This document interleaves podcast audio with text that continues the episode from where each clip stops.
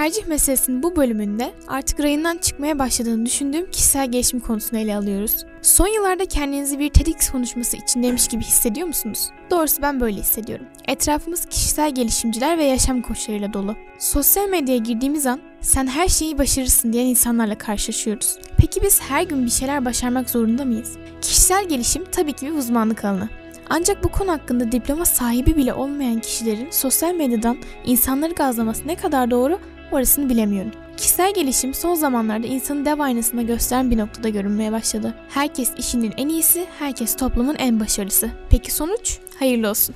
Bir bakmışız içimizdeki devi uyandırmak için çabaya girenler Bülent Akyürek'in de dediği gibi içindeki devi uyandırmış cüceler topluluğuna biz de dahil etmiş. Kendimizi yeterli gördüğümüz aşamada hala o yaptığımız işin en iyisi olmak zorunda değiliz. Ki zaten herkesin aynı anda bir işin en iyisi olabilmesi de mümkün değil. Çoğu zaman kendimizi geliştireceğini düşünüp aldığımız o kişisel gelişim kitapları da ne yazık ki piyasanın pazarlamak için kullandığı yöntemlerden farksız. Ne diyordu o kitaplar? Seni hiçbir şey yenemez. Hayır, yenebilir. Bazen de kaybederek öğreniriz. Kendi potansiyelimizi bilip bu sınırlarda elimizden gelenin en iyisini yapmak yerine yıpratıcı hırsların içine kapılmaya gerek var mı? Ya da işimizi hakkıyla yapmak için illa birilerinden bu sözleri duymak zorunda mıyız? Geçenlerde karşıma bir kişisel gelişim uygulamasının reklamı çıktı. Uygulama size günlük olarak sen harikasın, sen çok değerlisin bildirimleri gönderiyor.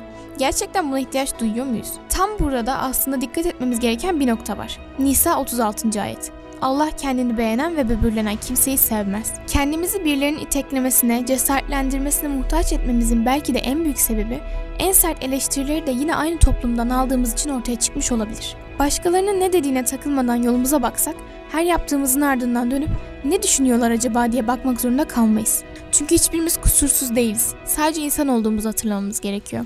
Ali İmran suresi 139. ayette de inanıyorsanız üstünsünüz ifadesiyle aslında iman sahiplerinin her zaman özgüven sahibi olması gerektiği de görmek isteyene gösterilmiştir.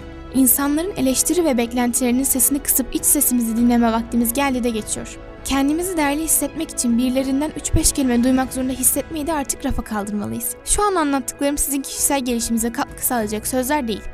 Ama kişisel gelişime ihtiyaç duyuyorsanız da bu tabii ki tercih meselesi.